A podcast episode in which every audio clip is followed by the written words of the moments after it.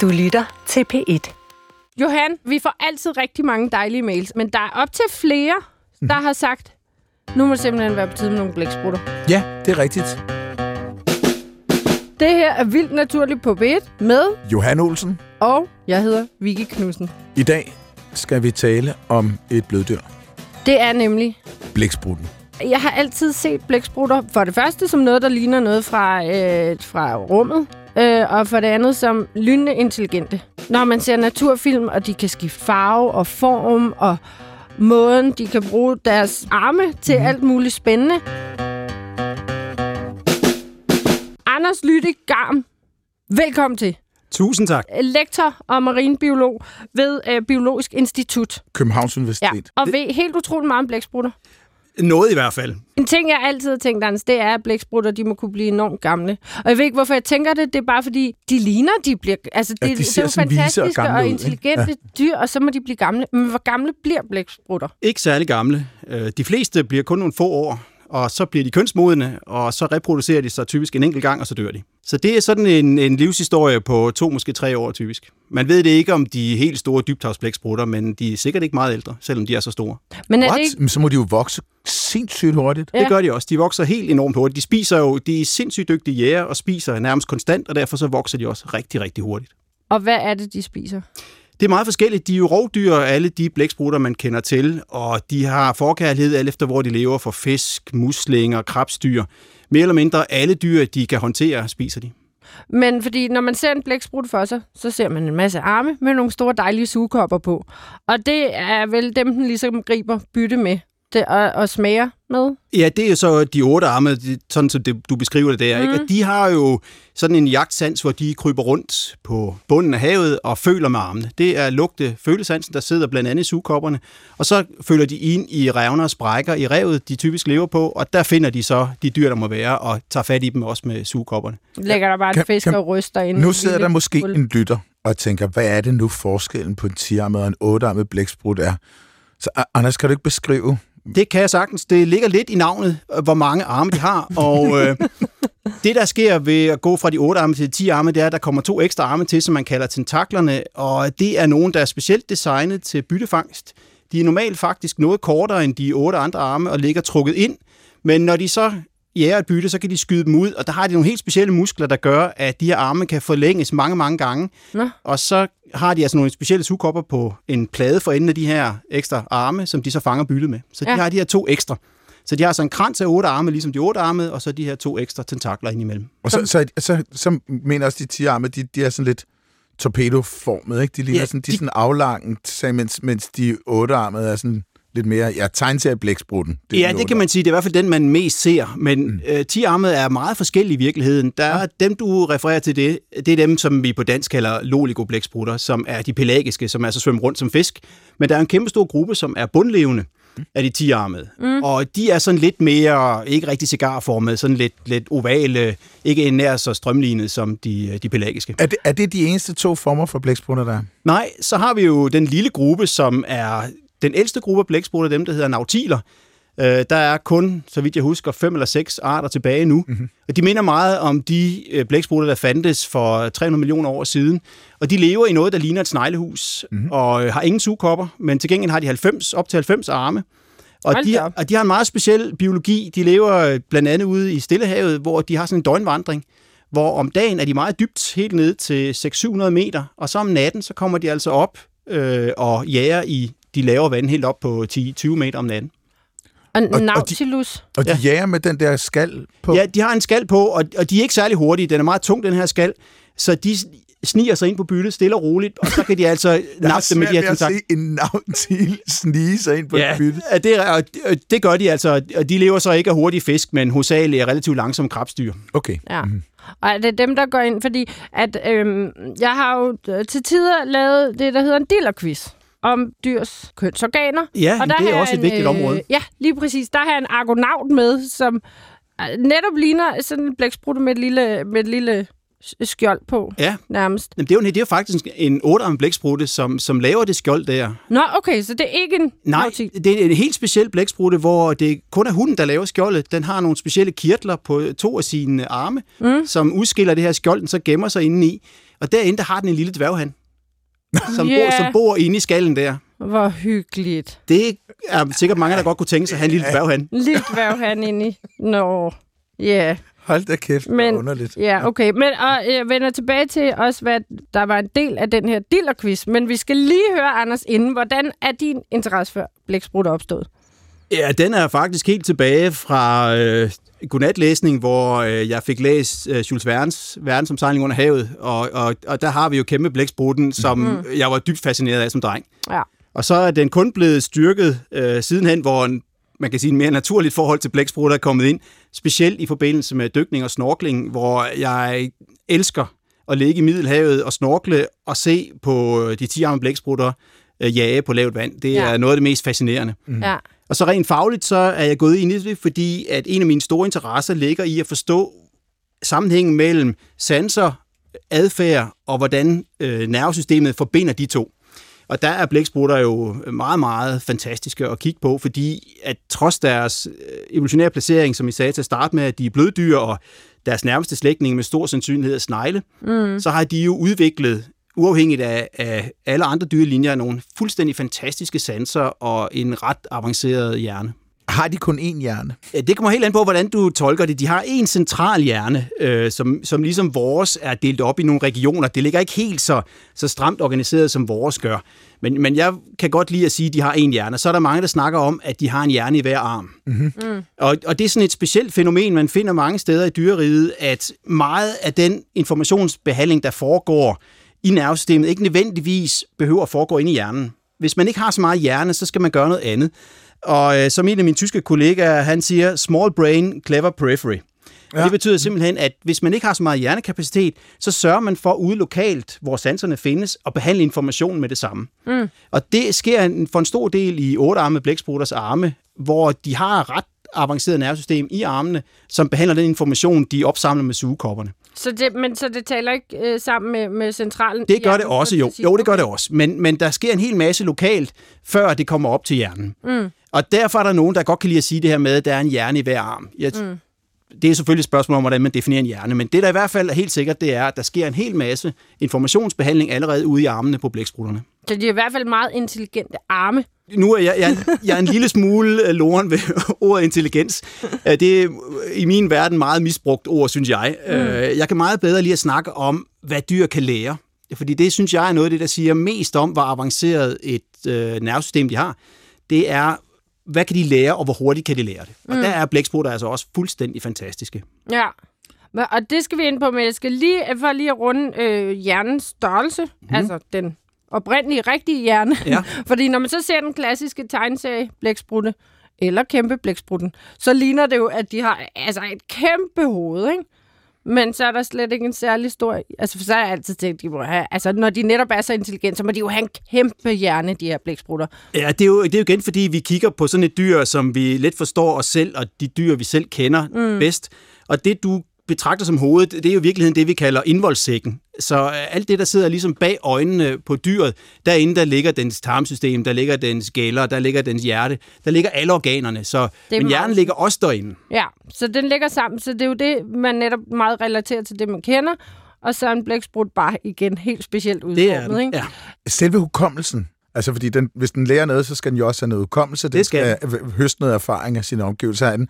Bliver det læret i den hjerne, der ligger op ved indvoldssækken? Ved man, om den bliver læret udelukkende der, eller om der også læres hukommelse i de der komplekse neurale netværk, som vi nu lader være med at kalde hjerner ude for enden af, ude i armene? Mig bekendt ved man det ikke, men, men jeg er ret sikker på, at det meste vil være i den centrale hjerne. Men mm. der kan temmelig sikkert også godt ligge noget, måske knap så avanceret ude i, i armene på dem, men, mm. men langt det meste vil foregå i selve centralhjernen. Mm-hmm. Men det er jo ikke noget, man ved meget om. Hvad kan de for eksempel lære? Jamen altså noget af det, jeg synes, der er allermest fantastisk, det er, at de kan lave det, der hedder observational learning. Og det er jo noget, vi ellers kun kender fra, øh, fra øh, vivldyr. Og det er at lære ved at se andre dyr gøre noget. Så de kan simpelthen sidde og observere, og det behøver ikke engang være en anden blæksprutte. Bare et andet dyr, der gør et eller andet, så kan de lære af det, de erfaringer, det andet dyr gør sig. Det kan de simpelthen se, og så kan de selv bruge de erfaringer i deres egen adfærd. Wow. Og så tænker jeg jo allerede, så må de være lynende intelligente. Det må du gerne kalde dem. Jeg, jeg ser bare, at de har den her specielle form for Ja. indlæring, som kræver ret avanceret neurobiologi, og det er der slet ingen tvivl om, de har. Ja, men det jeg mener jeg, at det er det, der ligesom er med til at gøre, at man kalder dem intelligente. Ikke? Fordi man igen kommer til at relatere til mennesker. Altså, det er ligesom, at vi har også har vores definition af andre dyr, hvor intelligente de er. Og for eksempel gravfugle, husskaden, der kan bestå spejltesten og genkende sig selv i et spejl, så viser det noget om ret høj intelligens, siger man, ikke? Ja. Hvorimod at en ringdue, som Karl og Lone ude på altan, de virker ikke særlig intelligente i forhold til en husskade, vel? Nej. Så man kommer altid til netop lidt... Det, altså, det giver jo så god mening ikke at kalde det intelligens. Også fordi de er så forskellige fra os. Men det er bare utrolig svært for os mennesker ikke at sammenligne det med, hvad vi selv er i stand mm. til, og hvad vi forbinder med intelligens, ikke? Men det er jo heller ikke noget, der er fastlagt. Der er jo enorm diskussioner om, hvor, hvad intelligens er hos mennesker. Mm. Og, og, Ja. så, så det er et meget flydende begreb, og derfor prøver vi også lidt at undgå det i, i, øh, Ja, fordi- i den videnskabelige Ja. verden. Man vil gerne undgå udtryk, der ikke er egentlig fagudtryk, og som er def- klart defineret. Ja. Mm. Mm, men det ja. har vi svært ved. Men, øh, hvad er det, de lærer sig?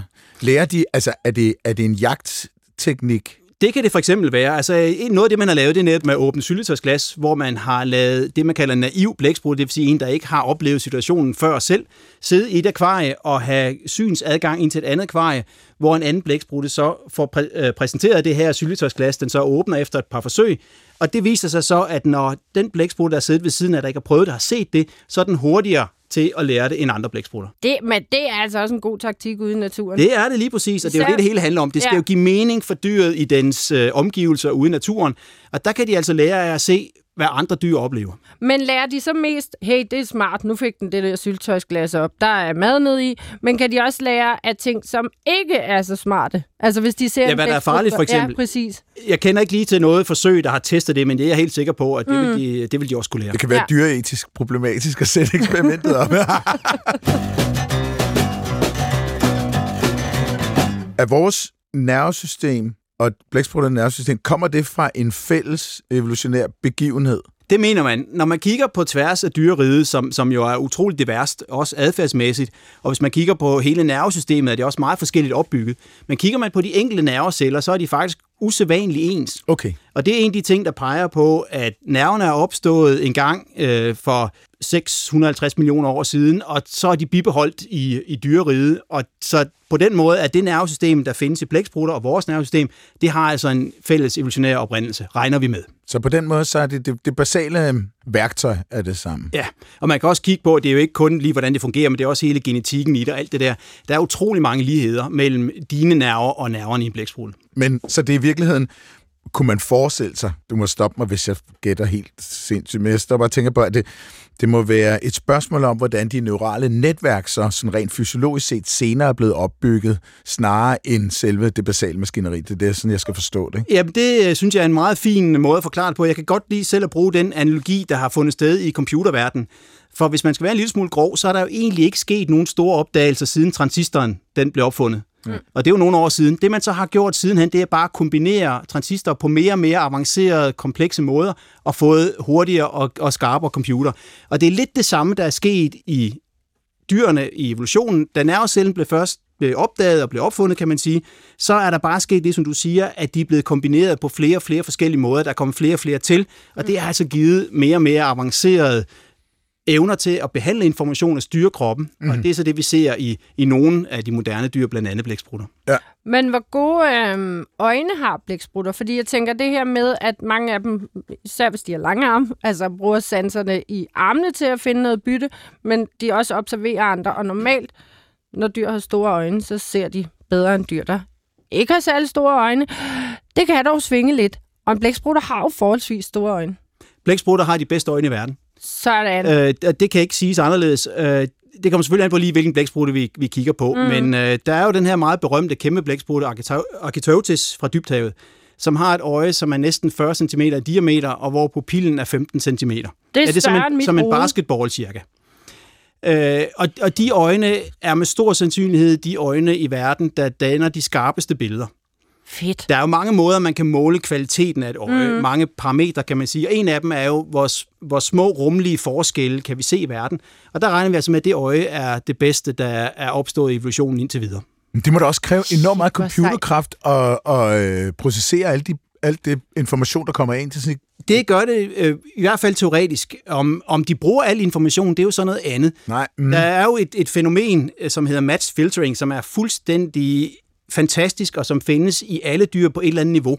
Og det handler om, at evolutionen former vores sandsystemer, sådan at vi kun optager den information, vi er interesseret i. Mm. Alt andet bliver mere eller mindre filtreret fra, så vi ikke behøver at bruge hjernekapacitet på at behandle information, som vi egentlig ikke bruger bagefter alligevel. Mm. Og der kan man godt tænke sig, at de har en enorm rummelig opløsning, men kigger efter noget helt specifikt, og alt andet bliver sorteret bort, og derfor behøver de måske ikke så kraftig en hjerne alligevel. Mm. Så kan man så, altså der er lavet nogle teoretiske studier af, hvorfor de har de her øjne, fordi at lave egentlig adfærdsforsøg med de her blæksprutter, det er i hvert fald indtil videre fuldstændig umuligt. Man har Hvor, jo, dyb, hvor dybt er de nede? ja, de er jo øh, op til to kilometer nede, øh, og så kommer de også op om natten til, mm. til nogle 100 meters dybde og jager. Man har nu øh, fået nogle live-optagelser på videoer af dem. Okay. Men det er jo aldrig nogensinde lykkedes at have en på nogen som helst måde i fangenskab i live. Men man har lavet en hel masse teoretiske beregninger på, hvad kan fordelene være ved at have så stort et øje? Og det kan man simpelthen regne på rent fysisk. Jamen, hvad giver det af øgede muligheder, når man, når man, øh, når man kigger på størrelsesforandringer? Øh, I øvrigt så er det, det næststørste øje, det finder man jo hos... Øh, øh, i tunfiskefamilien, hvor vi er oppe på 9 cm. Ikke? Så der er et stort spring op Ja. til de her øh, kæmpe blæksprutter. Ja, det er da helt vildt. Men Ja. det, man teoretisk kan regne sig frem til, er en ganske interessant øh, teoretisk historie. Fordi det eneste sådan en kæmpe blæksprutte, hvad vi ved af, er bange for, det er kaskelotvaler. Mm. Kaskelotvalerne er et kæmpe dyr, som ligger der i overfladen som en, en øh, stor sort ting, og så dykker den ned en gang imellem øh, og kigger efter hosale blæksprutter. De spiser mm. også lidt andet, men hosale blæksprutter. Og det, der nok er alfa og omega for sådan en kæmpe blæksprutte, som er langsommere end kaskelotvalen, det er, at den bliver alarmeret om kaskelotvalens tilstedeværelse så tidligt som muligt, men det er ikke nok. Den skal også vide, om kaskelotvalen er på vej i dens retning eller en anden retning. Ah, Og der siger teorien, at en af de ting, som de med stor sandsynlighed bliver meget bedre til, det er at se den bioluminescens, de her lysende små alger, som en kaskelotval tænder, når den dykker ned og slår med halen. Så kommer der et spor af alger, der lyser ah. efter den. Altså ligesom morild. Ja, lige præcis, det er mor Kender fra sin det, Ja, lige præcis. Mm. Og øh, det, den så kan se, det er, hvilken retning kører det der lysspor, og så kan den altså regne ud, så tidligt som overhovedet muligt, dykker kaskelotvalen ned mod mig, eller kan jeg tage det roligt? ej, hvor sejt. Det er i hvert fald en af de teoretiske muligheder, som har drevet evolutionen af så kæmpe stort et øje. Altså, jeg vidste ikke engang, at kaskelot at spise blæksprutter. Det gør de, har du rigtig klogt. De De er glade for blæksprutter. Men ja, nu siger du, at, at kaskelotvalen er hurtigere end kæmpe blæksprutten. Ja, Jeg har fået at vide, at blæksprutten er havets hurtigste dyr. det passer ikke. At, nu, nu er det lidt forskelligt. Altså, blæksprutter kan være hurtige, men, men de hurtigste dyr, det er jo stadigvæk fisk. Der er jo fisk, der svømmer op til næsten 100 km i timen. Og det er jo helt Det er fuldstændig jo ubegribeligt. selv Vicky og jeg kan svømme. Så Jeg ser mere en blæksprut sådan stille og roligt, sådan lidt ligesom... Altså, tag det lidt mere galente som en klumpfisk, for eksempel. Nå, ja, ja okay, nej. Det, Altså, ikke så langsomt, men jeg, har sådan altså lidt også mere... set, jeg har altså også set de tiarmede i Grækenland der. De kan godt nok også drøne afsted, men det er jo ikke så længe. Men, Men så er vi oppe på de hurtigste, det er sådan en 50 km i timen. Jamen, det er også pænt. Det er ganske pænt hurtigt, men fiskene er stadigvæk ganske overlegne. okay. Men, men jeg bliver altså lige nødt til, inden, øh, inden vi glemmer øh, kæmpe blæksprutten, den glemmer man jo aldrig. Altså, vi har jo også haft den før med som altså, savnomspundet dyr, som Ja. gav ophav til mange myter. Men øh, altså, det vil jo være et af mine aller højeste ønsker at se en kæmpe blæksprut. Om den så var død eller levende, skulle jeg til at sige. Prøv tænk, nu kan jeg jo godt lide at finde ting, der er skyllet land. Prøv at tænk at finde en kæmpe blæksprut, ja. der er skyllet land. Men hvor store, for der er vel også flere arter, kan ja. kæmpe blæksprutter blive, når nu de har øjne på 40 cm? De, de største, man har fundet, der er det, vi kalder karpen, som er selve kroppen. Den mm. er cirka 6 meter lang. Og så er hoveddelen af, af dyret er omkring en meter. Og så har de altså øh, fangarme, øh, som er op til 8 meter. Og så har de de her tentakler, de kan skyde ud, som så i sig selv er, er 12 meter lange. Hold nu kæft, undskyld mig, men det er jo fuldstændig hvad. Det er jo det, det er jo det, nærmest her. 20 meter, står jeg lige og regner ud, hvis den er helt strukket ud. Ja, fuldstændig. Så er vi oppe på en 18 meter i hvert fald. Det er jo sindssygt. Ej, hvor vil jeg gerne se sådan et dyr. Nu vil jeg gerne fuldstændig trumle ind over den her udsendelse med nyt fra den videnskabelige verden. Nå, jeg troede, du skulle til at spørge, om jeg snart havde en lyd til jer. Nå ja, Men altså, hokus pokus, Johan i fokus, det er fint nok. Kom du bare med din nyhed. Og nu vil jeg gerne bede lytterne om at øh, være tålmodige. Fordi det er altså virkelig, virkelig, virkelig nørdet sager, det her. Og det har taget mig utrolig lang tid at forsøge at sætte mig ind i det, og forsøge at, at komme frem til en forklaring, som, som, øh, som vi måske kan få en eller anden form for forståelse ud af. Fordi, og det kan være, at der er nogle lytter, der har set, at pludselig så har der været en avisoverskrift, de havde en sgu i Berlingerne forleden dag, om øh, øh, at der muligvis skulle være en, en femte naturkraft. Vi kender tyngdekraften, den elektrodynamiske kraft, og så har vi eller elektromagnetiske, og så har vi øh, den stærkere en svage kernekraft. Men så ja, er der det en femte. jeg godt, Johan. Og så, jamen, det, undskyld. Men nu er der altså opstået et resultat, og det er virkelig spændende, fordi det, det er, det er på, på samme tid virkelig spændende og, og virkelig langt ude. Standardmodellen øh, for, hvordan verden hænger sammen, øh, den, der har at gøre med alle de, de øh, elementarpartikler, der findes, og subatomare partikler, kvarker, gluoner og hvad det ellers kunne være.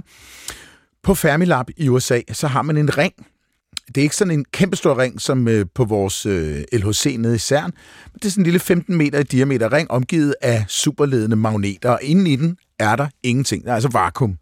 Man kan så isolere og sende partikler, der hedder muoner, ind i den. Og når sådan en muon kommer ind i ringen, så har den en magnetisk dipol, og det, det er den ligesom, om jeg så må sige, født med. Når den bliver sendt rundt i ringen, så begynder den at blæver frem og tilbage. Vi siger, den wobbler. Og det resulterer i, at der rundt omkring den bliver dannet en suppe af øh, forskellige partikler på grund af et, et kvantefænomen. At de, de opstår, en partikel og en antipartikel opstår omkring sådan en der, og så annihilerer, altså de kommer til verden og forsvinder igen. Den her suppe af, af de her øh, partikler, der opstår og forsvinder igen, den har en indflydelse på den måde, øh, muonen nedbrydes på. Når den bliver nedbrudt, så bliver der udsendt en elektron. Dens moment, altså øh, hastighed, masse, og dens retning kan måles øh, ud fra sådan et detektorsystem i den der ring. Godt. Ud fra den her elektrons opførsel, så kan man sige noget om, hvor meget muonen wobbler, og dermed, kære lytter, hvor, hvor stort dens dipolmoment er, den magnetiske, det magnetiske dipolmoment. Så er det, at Fermilamps observerede værdi, og nu bliver det sjovt, det er 2,00233318412. Den teoretiske forudsigelse er 2,002333188362.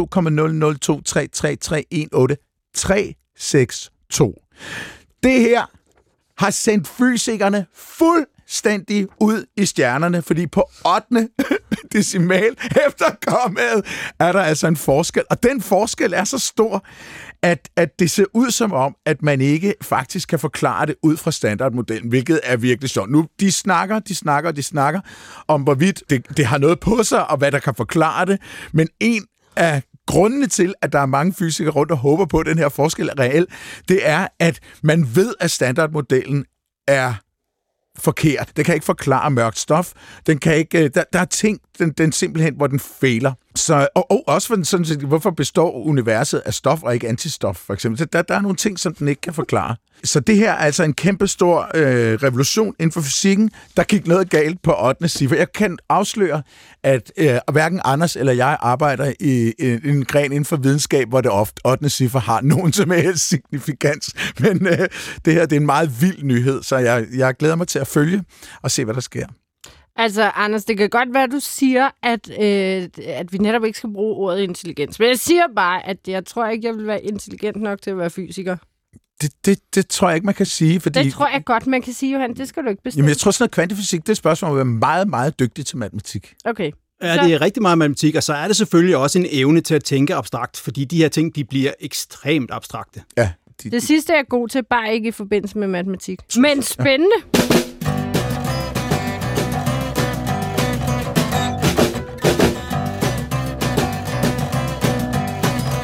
Du lytter til Vildt Naturligt på P1 med Vicky Knudsen og Johan Olsen, og i dag har vi øh, lektor marinbiolog Anders Lytte Garm fra Biologisk Institut, Marinbiologisk Sektion på Københavns Universitet på besøg for at tale om blæksprutter. Du snakker med lyd, Vicky. Ja, lad os da lige få en nuttet lyd på banen, imens jeg prøver få min hjerne til at, at, at rotere nok rundt til at forstå det der. Nu kommer der en skøn lyd, og der må man være matematiker, fysiker, biolog, pensionist, alting. Alle kan være med på den her lyd, fordi den er ekstremt nuttet. Og I skal prøve at gætte, hvad det er. Men Vi løfter først sløret til sidst i programmet. Og den er en lille smule svær i dag. Okay, så har jeg jo ikke en chance for helvede, vi. Jo, du har. Den kommer her. Okay.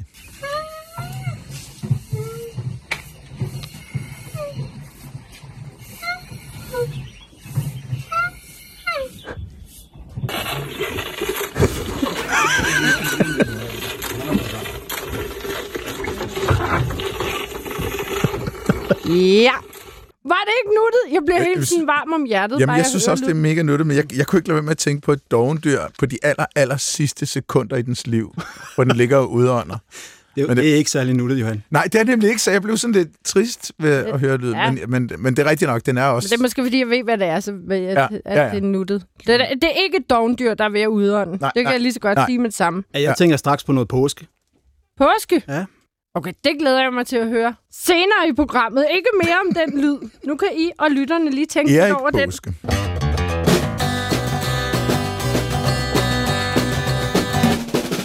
Blæksprutter, de har en fræk arm en gang imellem, Anders. Ja, det er rigtigt. Og, og det er de otte arme blæksprutter igen, som, som øh, vi snakker om her. Det er sådan, at øh, parring hos blæksprutter, det kan godt sammenlignes lidt med det samme hos æderkopperne. Det er sindssygt farligt for handen at indgå i paringsakten for mange af dem. Mm. Og det er altså dem, der lever solitært, og det gælder for nogle af cuttlefish, altså de her bundlevende 10 arme, og så gælder det for mange af de otte arme. Mm. Der er de så territorielle, at øh, hunden kan finde på at angribe handen, når den kommer for at parre sig. Er hun større? Øh, Det er de ofte. Ja. Øh, og, og så han skal gøre alle mulige ting for at indsmire sig på hunden, og det kan blandt andet være det her farveskifte og så videre, vi kommer til at snakke om senere, fornemmer jeg. Men en, en trick, der ligesom så er kommet frem evolutionært, det er, at nogle af de otte armede, de får den her frække arm. Og det gør faktisk, at hannen, og det lyder måske død kedeligt, men sådan er det nu blevet for dem, overhovedet ikke behøver at være i kontakt med hunden, mm. for at de parer sig. Ja. Og det, der simpelthen sker, det er, at øh, en af dens otte arme, den omdanner sig og får sådan nogle lommer ude i spidsen, og den stikker den så ind i sin egen kappehule, og derinde der ligger dens testikler, mm. og der laver den det, der hedder en spermatofor, som er sådan en sæk fyldt med sædceller. Mm. Tusindvis af sædceller i hver sæk, og den samler så nogle af de her sække op og placerer inde i de her hulheder i armen. Mm. Og så strækker den armen frem mod hunden, og så sker der faktisk det bizarre i nogle arter, at den her yderste del af armen, den afsnører simpelthen. Ligesom at en fireben kan smide halen, mm. så smider blæksprutten den her arm, del armen med sædpakkerne i, og så svømmer den selv over og bliver fanget af hunden. Og så tager hunden så fat i den her øh, armstump med sædpakkerne, og så befrugter den sin æg, og så er det det. Så armen er- bliver Den klippet. kan, den kan simpelthen svømme Og selv i hos nogle arter. Andre, der går armen helt over og, og rører hunden, og så øh, afleverer sædpakkerne. Men, ja, okay, ja, men det er jo der, det er så fucking... Undskyld, nu kom jeg til fucking også. Men Ja, det er der, det er så vildt med netop seksuel selektion, og hvordan de gør det, og de her strategier. Fordi det slutter ikke her, Anders. For da jeg så læser det her, tænker jeg, hold da magle, det er godt nok vildt. Så står der nedenunder, og det er altså ikke mig, nu er det ikke lige direkte citat, men det er ikke mig, der har fundet på det her, men at nogle hunder så har fundet ud af at få sig en lille middagspakke ud af et blowjob. Ja, det stod der. Men så er der altså nogle af hunderne, som tænker, ham der, jeg skal ikke bede om hans arm med sæd. Men jeg kunne godt lige spise en lille snack. Så spiser de simpelthen øh, den der arm med sæd i stedet for. Er det, er det, er det værre? Øh, Altså, det er jo en afvisning, man virkelig kan tage at føle på, kan man sige. Ikke? Ja. Øhm, men altså, han skal jo, han, når han går i gang med det der med at dele sæd ud, ikke? så er han jo meget tæt på at skulle sige farvel for evigt, ikke? Ja, det er, altså nogle hanner kan parre sig med flere hunder. Okay. Så derfor så gælder det om ikke lige at blive et af den første og bedste hund, man Okay. møder. Ja. Så Okay. man har lidt flere skud i bøssen, hvis om man så må sige. Hvis han lod sig spise, vil... findes der homoseksuelle øh, blæksprutter? Ved du det om det? Ingen anelse. Nej. Øh, der findes et meget specielt fænomen, hvor man måske mere kan kalde det transblæksprutter. Okay. Og øh, det findes hos nogle af de her cuttlefish, hvor øh, de lever sådan ikke i rigtige sociale grupper, men en lille smule, hvor der er en dominerende han, og det er den største han. Mm-hmm. Og, og den har så lidt et harem af hunder. Mm. Øh, og den er så meget påpasselig over for at andre hanner ikke kommer og parer sig med de her hunder. Men det, der så sker, det er, at nogle af hannerne, som er noget mindre, de klæder sig ud som hunder. Nå. De, de laver en, et farveskifte og en formskifte, så de kommer til at minde om hunderne, som er lidt mindre og ser lidt anderledes ud, specielt i farverne. Og så opfører de sig også som hunder. Og så sniger de så ind i det harem, mm-hmm. som den dominerende han har, og derinde, altså, der er jo et fuldstændig fantastisk biologisk begreb, øh, som vi kommer ind på i det, og det, det hedder en sneaky fucker. Ja, lige præcis. Og, vi har faktisk vi har mødt en sneaky fucker. med før, der er også nogle sneaky fuckers. Ja, ja. Og, og det er jo det, øh, nu, nu, skal, nu skal jeg passe på, hvem man inddrager i vi her, men, men der, der, er, der er jo nogle hænder, der får en chance på den her måde. Mm. Hvis, hvis man ikke er stor og stærk nok til at blive alfahanden, jamen så er der jo heldigvis evolutionært set andre muligheder. Yeah. Og, og, så, og så kan man så komme ind den her vej, og, og der bliver den så i hvert fald rent udseendemæssigt og adfærdsmæssigt til en hund, mm. så den ligesom går under radaren hos den dominerende han, så skynder den sig at parre sig med et par af de her hunde, og så mm. er den ellers væk igen. Det er... Jeg øh, vil gerne undskylde til lytteren, hvis der bliver sagt nogle grimme ord i dag, men det er jo ikke os, der har fundet på dem. Nej, nej, vi er uskyldige. Men jeg kan virkelig godt lide sneaky fuckers. Altså, det er jo igen bare et eksempel på, hvor fantastisk evolution er. Nå, det der, det, jeg gider ikke slås, eller jeg gider ikke nej, kæmpe nej. om hunden. Jeg laver lige snigeren. Det er jo det, man kalde en listepik. Ja, det er det. Og det er Nu jo... siger jeg ikke et grimt ord mere i det. Lad os nu se. Lad os nu se. Jeg har jo været på øh, akvariet og, øh, og se blæksprutter gifte farve hurtigt. Dem, jeg har set ude i den virkelige verden, gjorde det ikke, mens jeg kiggede på dem i hvert fald. En af dem sætte dog blæk i hovedet på mig. Det var en meget stor oplevelse for mig. Men, men det kan vi jo måske tale om senere. Men i, i det her tilfælde, der ser man den her, det her farveskift, som går afsindig hurtigt. Jeg har set andre dyr, også øh, fladfisk og ting, har gjort, men jeg har, jeg har aldrig set det ske så hurtigt som blæksprut. Ved man, hvordan den gør? Det gør man. Det er der lavet rigtig meget arbejde omkring. Og det der er den store forskel, når du nu tager fladfisken, som er ellers det kendte eksempel for det her farveskifte, og så blæksprutten, så ligger det meget nemt forklaret i processen. For tager du en fladfisk, så har begge dyrene har det, der hedder en kromatofor. Og en kromatofor, det kan oversættes med en farvecelle. Det vil sige, det er den celle, der, der giver overfladen, som jo er huden på dyret, mm. den farve, den nu har. Og hvis man kigger på en fladfisk, så ligger der nogle pigmentkorn inde i cellen. Og den måde, den skifter farve på, det er ved enten at sprede de her pigmentkorn ud i hele cellen, og blive mørk for eksempel, eller trække dem sammen, så de kun fylder en meget lille del af overfladen, og så blive lys. Mm-hmm. Og da det er sådan en cellulær proces, hvor det faktisk er det, der hedder celleskeletter, der trækker rundt i de her øh, farvekorn, så går det relativt langsomt. Hvis du kigger på en blæksprutte, så er det meget mere genialt organiseret. Der ligger der mange forskellige farveceller med forskellige farver i huden, og der ligger ringmuskler omkring. Så de kan simpelthen ved muskelarbejde enten udvide eller trække de her celler sammen, og det går jo øh, meget, meget hurtigt at bruge muskler frem for de her cellulære processer, og det er det, der gør, at blæksprutten skifter farve så enormt hurtigt. Så den har, den har ligesom et, et, et, et antal pixels, eller et antal farver per pixel, havde jeg sagt, og så kan den fjerne dem, den ja, ikke skal bruge. lige præcis, og så udvider den andre. Og så har de også noget, man kan sige, ja. hvis man skal være en lille smule fræk, at sige, at den snyder lidt. Mm-hmm. Den har det, der hedder iridiserende celler, og, og det er jo i virkeligheden den mest geniale måde at kamuflere sig på. Og det kan man også kalde spejlceller. Det er sådan nogle celler, som ligger inde bag ved de her farveceller, som har nogle guaninkrystaller, som virker som et spejl. Og det vil sige, når de bliver eksponeret til overfladen, så spejler de bare det lys, der kommer ind på dem. Og det vil jo sige, så er de jo perfekt kamufleret, for det er jo lige præcis de farver lys, der kommer ind fra omgivelserne, der så bliver reflekteret ud fra huden igen. Det er jo genialt. Det er det. Kæft og det kommer faktisk lidt tilbage til, det du sagde i starten, Johan, med de her flag, for jeg må, må skuffe dig, at farvesyn, det bruger de slet ikke. Nå? Der er kun én blæksprutte, og nu har man undersøgt en del efterhånden. Der er kun én blæksprutte, som, som har farvesyn, og det er en helt speciel historie, vi, vi måske kan tage senere. Men den helt typiske blæksprutte, den er farveblind. Nå? Og, og, det er jo, og der er rigtig mange, der siger præcis sådan der, fordi hvordan søren styrer de så de farver, de har? Og det gør de jo blandt andet ved de her spejlceller, fordi der behøver de jo ikke, at det er jo helt automatisk de farver, som er i omgivelserne. Mm. Og derudover er det selvfølgelig også blevet sådan, at de farver, deres almindelige kromatoforer har, de matcher jo de omgivelser, de typisk findes i. Sådan så er de jo ikke farveblinde. Ja, det kan så man... har de vel en sans? Der, nej, der... nej, nej, nej, det har de ikke, fordi det eneste, de selv ser, som styrer det, det er faktisk kontrastmønstrene. Og så har evolutionen så lært, når der er nogle kontrastmønstre, og de trækker nogle celler ud ved andre, jamen så passer farverne bare. Så det er, øh, det er simpelthen ikke, fordi farven er sådan set åbenbaret for blæksprutten. Den aner ikke, hvad farveomgivelserne har. Men der ligger nogle automatiske mekanismer, evolutionen har indbygget i den måde, systemet er bygget op på, så farverne kommer til at matche til de habitater, de nogle gange har. Hold nu kæft, mand. Det er et vildt system. Det er det, og, og, og, og, og der, hvor det jo bliver helt vildt, det er, når de kombinerer det med form. Og det er jo der, hvor det her manglende skjold bliver en kæmpe fordel for blæksprutterne. Specielt de otte arme, som er fuldstændig bløde. Og der er nogle vanvittige eksempler på, hvordan de ændrer form. Der, er, der er den, som har, har fået navn efter det, den man kalder Mimic Octopus. Mm. Eller man kan på dansk sige den efterlignende ottearmede blæksprutte. Mm. Som nogle gange så ligner den en søstjerne, nogle gange ligner den en fladfisk, nogle gange ligner den en søanemone. Den kan lave alle mulige former med kroppen. Og, og, og der er jo selvfølgelig to øh, grunde til, at man vil gøre det her. Øh, og, og som sagt, så er de rovdyr. Og det er jo en fantastisk måde at gøre sig selv ufarlig på. Hvis der er en krabbe i nærheden, og så du ligner en søstjerne, så vil krabben aldrig nogensinde øh, reagere på det. Så tænker, søstjernen den er ikke farlig, så går den bare. Kunne den se, der lå en blæksprutte, så vil den gøre alt for at flygte. Men mm. de er jo simpelthen i stand til på den måde at snige sig ind på byttet på helt fantastisk maner ved at narre bytte til at tro, at de er noget andet, end de er. De kan sådan set godt se, at det er et dyr, der kommer, ja. men de tror bare, at det er et helt andet dyr, der ikke er farligt for dem. Smart. Og en af de aller, allermest elegante af dem har jeg, har jeg selv kigget lidt på, og det er den, der hedder Faros sepia.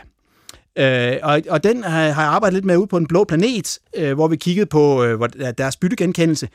Men og det er jo ikke fordi, at, at blæksprutten som sådan ved, hvad den gør. Det er jo noget, evolutionen har lært den. Men den kan lave et mimik, altså en efterligning af en iramitkrabs.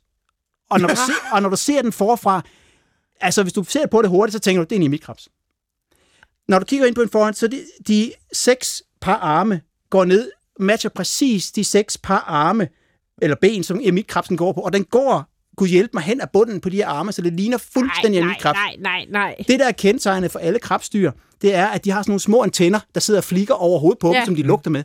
De to arme trækker den op og gør helt tynde, og så sidder de oven på hovedet af den, Ej. og så sidder den og vifter med de her to arme, så det ligner fuldstændig antennerne på emikkrabsen. Og hvis, selv med vores evner til at analysere billeder, hvis du ikke kigger på det ret længe, så tror du selv, det er en emikrabs. Det er fuldstændig fantastisk. Og det er så smukt at se, når man så fodrer det med en lille krabbe. Ikke? Og den krabbe, den sidder der, og den er ellers, de er jo, ikke fordi de ser godt, men de er ret gode til at mm. normalt opdage fjender. Men den her farves blæksprutte, den kan gå lige hen til krabben, fuldstændig uden problem, og så samler den bare op den. Wow.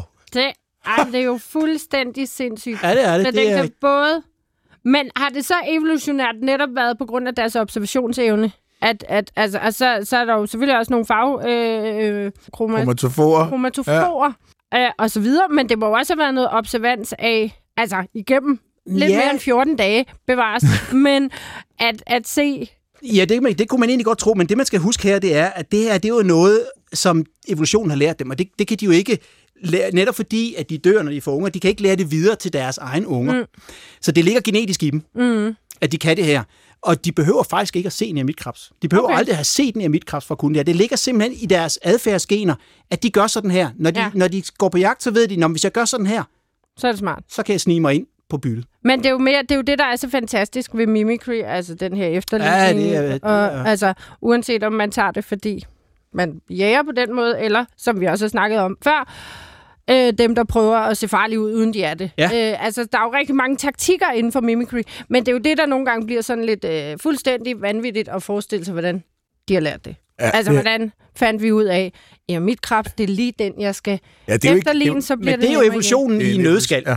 Og det er jo det, der er så fantastisk, at når man sidder og tænker på det, ikke, og, og det var jo også i virkeligheden Darwins store dilemma, mm. det var, altså han havde jo lidt svært ved at i virkeligheden acceptere sin egen teori nogle gange med, at, at alle de her mellemformer ligesom skal kunne fungere. Mm. Men man skal virkelig huske på den der evolutionen f- fantastiske ordsprog, ikke? At, at i det blindes land er den enøjede konge, ikke? Mm. at bare du har en lille bitte fordel foran de andre. Mm. Så i starten har den jo overhovedet ikke lignet en, en ermitkrabs. De første har gjort et eller andet, Ja. som har gjort de så lidt mindre farlige ud. Og så har det jo gennem generation på generation på generation blevet bedre og bedre og bedre, mm. indtil de i dag gør det, de gør. Ja. Uh, du sagde, der var én blæksprut, der kunne se farver. Ja, Må jeg høre om den? Ja, det må du meget gerne. Og, og den, det er en af mine yndlingsblæksprutter, fordi jeg har også en, en øh, helt fantastisk kærlighed for den her bioluminescens, vi har nævnt tidligere. Mm. Øh, jeg arbejder også lidt med, med bioluminescens i dybthavet, og, og det er jo fuldstændig fantastisk. Man tror, der er mørkt i dybthavet, men det er der ikke, fordi at det viser sig, at et eller andet sted mellem 50 og 80 procent af alle dyr i dybthavet kan lave lys. Nå. Og der er der altså også nogle blæksprutter, og der er den her, som hedder en firefly squid. Og, og det hedder den netop fordi, at, at den jo er bioluminescent, og den ligner sådan set ikke en ildflue, men, men øh, den har nu fået det navn, og den har det vildeste bioluminescens. Og det bruger de blandt andet i deres parring igen, hvor de laver de her farvedisplays for hinanden. Og de her farvesyn, de er faktisk de eneste blæksprutter, man har analyseret indtil videre og kigget på øjnene. Og, og man kan faktisk være rimelig sikker, fordi hvis man skal have farvesyn, så skal man have organiseret sin net hende på en ret speciel måde med forskellige typer af det, der hedder fotoreceptorer eller synsceller. Mm. Og, og hvis man kun har én type med, med det samme synspigment, så er, der, så er den teoretiske mulighed væk, så kan man ikke have farvesyn. Og det kan man altså fundet hos de andre. Men den her har, ligesom os, tre forskellige typer af synsceller, som altså giver dem farvesyn. Så der kan de godt se, det er en flot fyr, der står derovre Det kan de. og laver farve, ja. farvedisco ja. for alle penge. Det, der så er lidt underligt, det er jo, at bioluminescensen er mere eller mindre monokromatisk. Det er en sådan ret snæver blå spektrum lys. Mm. Men det er med stor sandsynlighed, meget bekendt ved man ikke præcis hvorfor de bruger det, men, men det er med stor sandsynlighed for at kende det for andet bioluminescens. Mm. Fordi bioluminescens så kan variere noget i farven, og så ved at kunne sammenligne, så ser de, jamen er det den rigtige farve? Er det altså en, en af de blæksprutter, jeg skal være interesseret i, eller er det et helt andet dyr? Det er fedt. Og endnu en rigtig skøn ting ved evolutionen, og øh, apropos det, vi startede med at snakke om, med at vi hele tiden lidt sammenligner med os selv, det der, når vi ikke helt har luret nu, hvorfor de gør det. Ja, Men der er helt sikkert en grund til, at de ser ud, som de gør, og gør, som de gør.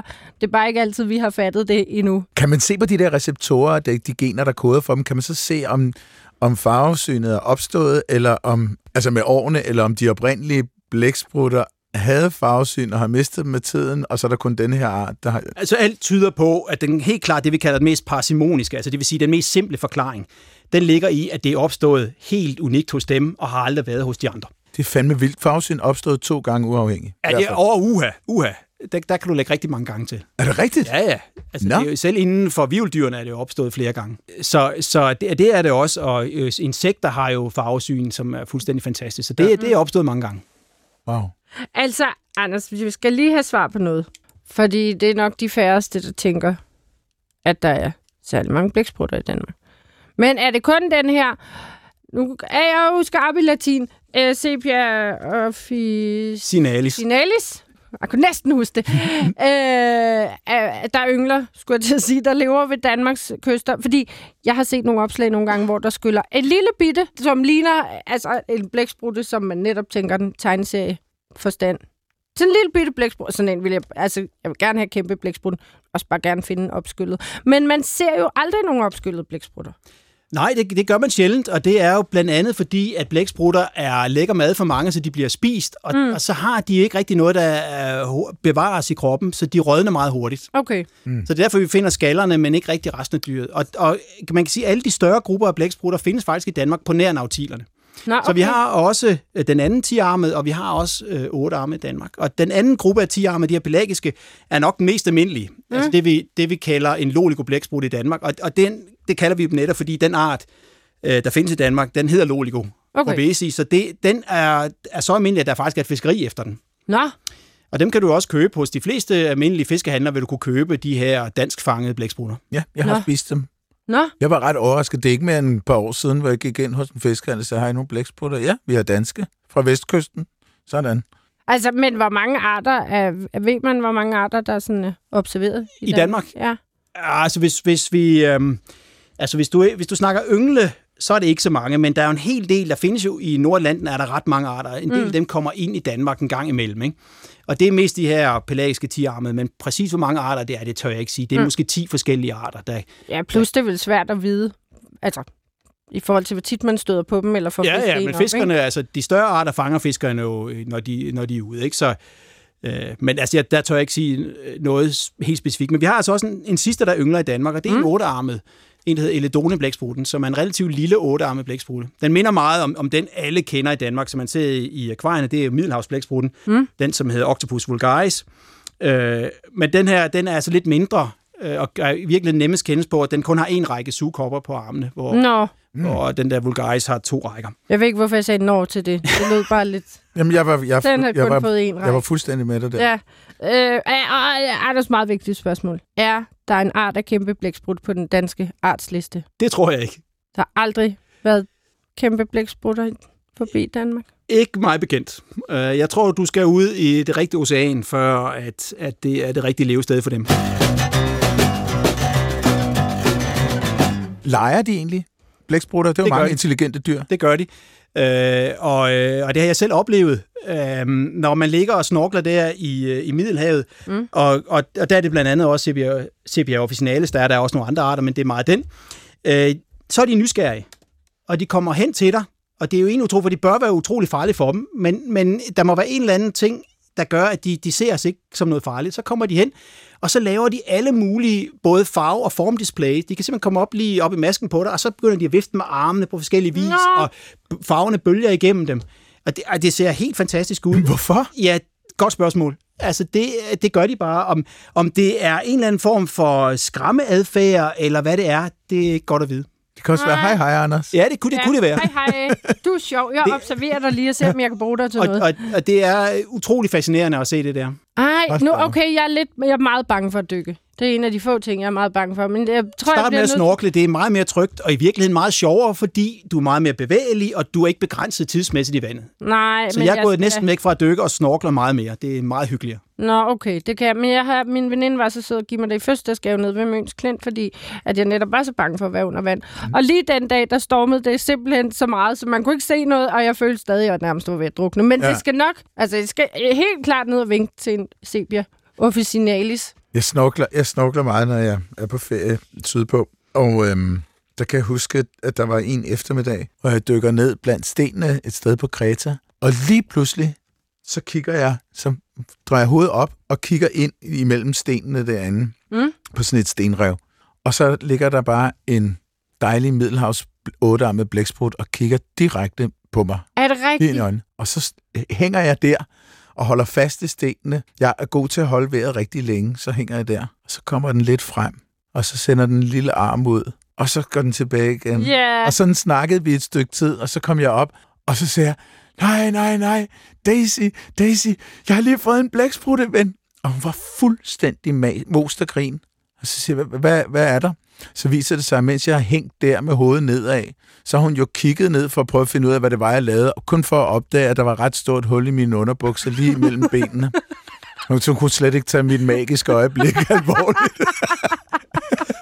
Så fik vi ødelagt det magiske øjeblik i fortællingen. det er magisk Men jeg øjeblik. glemmer det aldrig. Det var verdens... Vi, var, vi er meget gode venner, mig og den. Vi forsøger at beholde Ja. billedet af, af blæksprutten, der den stikker armen ud. søde, lidt Yes. nysgerrige blæksprutte. Men det er, de er jo meget nysgerrige, og det er en helt klassisk oplevelse, den her med, at man finder en ottearm blæksprutte, som jo starter med at gemme sig. Mm. Specielt hvis man ser dem om dagen. De er jo nataktive, så, så om dagen, der gemmer de sig flest af dem. Ikke? Hvis man så netop ligger sig ned helt stille og roligt, og uden ild, der larmer, men bare holder vejret, så holder armen, ligger den foran den, så kommer der næsten altid en eller to af den samme ud, og lige rører ved dig.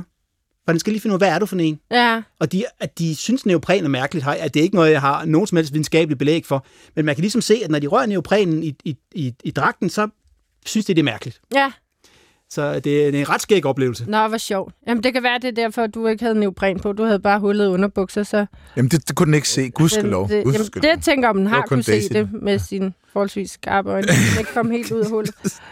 øh, men øh, helt klart tilføjet til bucketlisten. Og ellers så kan man jo skaffe sig en, en vandkikkert. Det har jeg fundet ud af, hvilken verden der åbner sig, når man er lidt bange for at Det være under vand, ved bare gå med en vandkikkert most ned i vandet. Det kan også noget.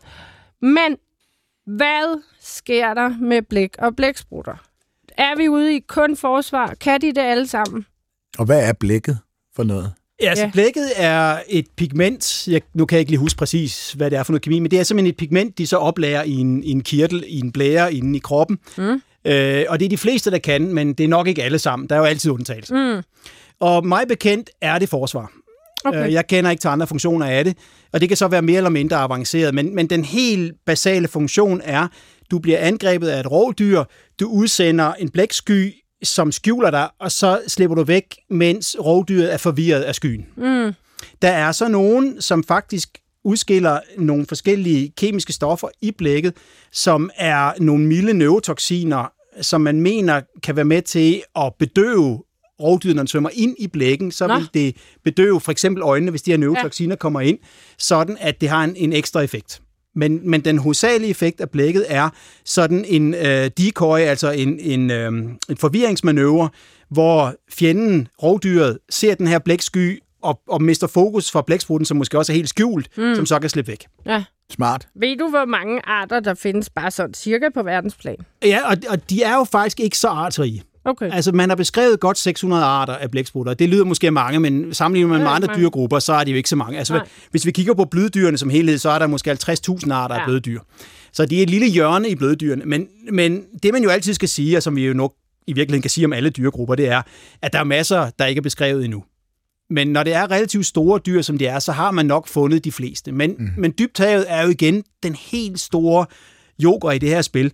Og, og øh, netop fordi jeg, jeg øh, interesserer mig en del for dybthavet også, så har jeg set efterhånden, jeg tør næsten ikke sige, hvor mange timer af videoer fra dybthavet, Ja. som jo ligger fuldstændig fantastisk offentligt tilgængeligt.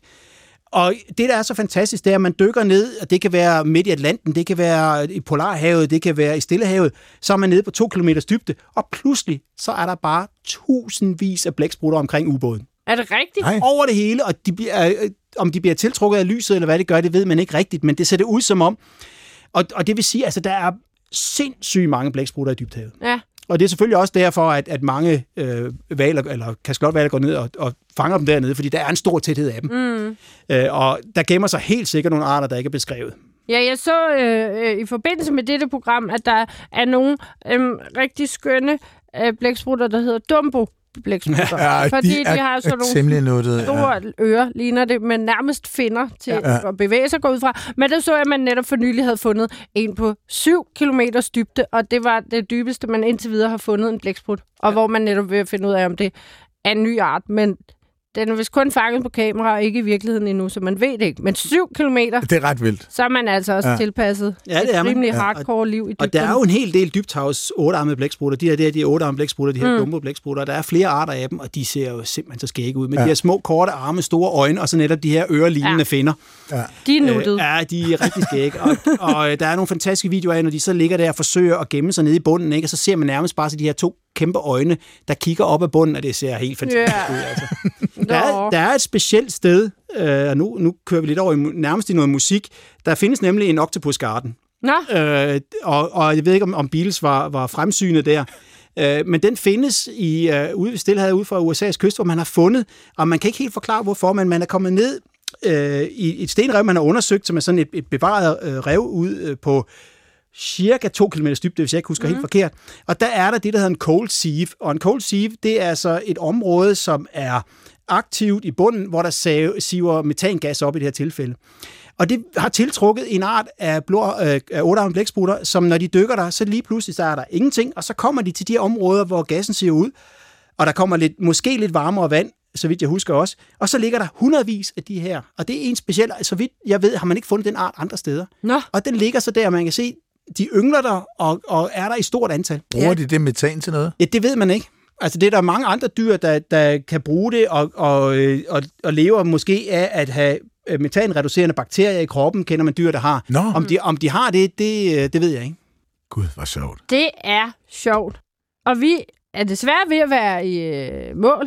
Jeg tror, jeg kunne have snakket om, eller hørt mere om blæksprutter timevis endnu. Det, det er et ret stort emne, og vi er slet ikke kommet ind på opskrifter endnu. Jo. Nej, det, vil du ikke Det vigtigste er aldrig stege dem for længe. Nej, Nej. det er fuldstændig rigtigt. Ja. Hårdt og kort. Så har vi også fået rundet det. Det var Ja. smart.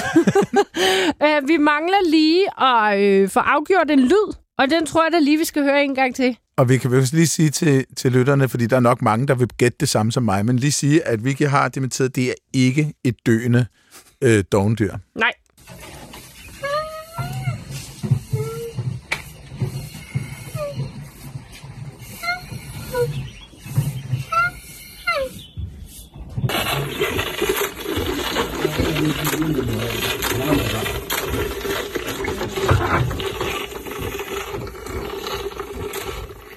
Ja, så gætter I bare.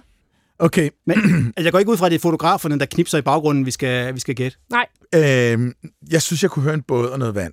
Mm. Og øh, derfor tænker jeg, at det er en rørdrum unge. En rørdrum unge. Ja, det var det. Det var altså ja. virkelig fantasifuldt og skønt bud. Ja, det må man sige. Det var meget specifikt. Altså, jeg er også i fugleverdenen. Ja. Og det var også derfor påsken. Altså, jeg var lidt ude i noget, noget kylling, så det var slet ikke det, jeg tænkte på. Så Nå. Jeg skulle i virkeligheden have sagt Mortens aften, for jeg troede først, det var gæs. Men nu tror jeg faktisk, det er en svane. Ja, ja, det lyder lidt som en, en, øh, en svane, der ikke rigtig kan væse, men kommer lidt derhen af. Ja. Helt utrolig gode bud. Tak, Altså, tak. De kunne ikke være mere forkerte, men de er Nej, helt nej. utrolig gode, de bud. øhm, Så det er et dogndyr. det er øh, øh, heller ikke et levende dogndyr. Øh, det er øh, Sheldrick Wildlife Trust, der har lagt den her video op, og det er... Der må jeg lige takke lytterne for at sende gode bud på gættelyde. Så er der sendt den her videre til mig. Den er helt skøn. Det er et baby næsehorn, der skal til at have sin mælk. Det forklarer fotograferne selvfølgelig. Okay, Præcis. så er vi Så altså, det er så altså- at det er ikke særlig langt fra rørdrummen. Det er Apollo, der Det vil siger... sige, er det, øh, hvor, hvor meget er det? 250 tu- millioner år er siden, vi delte op samme i dyr. to, ikke? Men altså, det er Ja. jo stadigvæk med skelet og ja. vivler ja, ned ja, langs jamen, ryggen, var, ja, Og, det, og unge. mm, Og lydorganet er jo helt homologt. Lydorganet. har, I flere, har I flere søforklaringer? Er det syrings? Men er, er det er, er Sheldrick Wildlife Trust tager sig jo netop af, af forladte elefantunger, og nu også næsehornet Apollo, og opfostrer dem. Anders Lyttegam, tusind tak for besøget. Øh, lektor og marinbiolog fra Biologisk Institut på Københavns Universitet. Det var en kæmpe fornøjelse. Jamen, det var en fornøjelse at være med, og altid hyggeligt at snakke om spændende dyr. Lige præcis. Du lyttede til Vildt Naturligt på B1. Det var med Vicky og Johan. Og øh, hvis du godt kunne tænke dig at skrive til os med et forslag til, til øh, udsendelser, eller måske bare kunne tænke dig at sende en dårlig biologvidighed, eller måske komme med ros, Ja. så kan du gøre det på... Vildt Nå ja. naturligt snablag dr.dk. Og man kan også høre podcasten der, hvor nu, man nu øh, hører sin, sin podcast. Og apropos Karsten, Ja. så vil, skal du tage den, Vicky? Jeg kan mærke tårerne. Ja. Kom nu. Vi vil gerne takke vores voksenven Carsten Nielsen for altid at, at stå ved vores side og holde os i hånden og bære og løfte os som ingen anden. Og i dag, i Vildt Naturligt, har vi fået hjælp af Allan Nisgaard med teknikken, og det har simpelthen bare været fuldstændig vidunderligt. Tak for i dag. Gå på opdagelse i alle DR's podcast og radioprogrammer. I appen DR Lyd.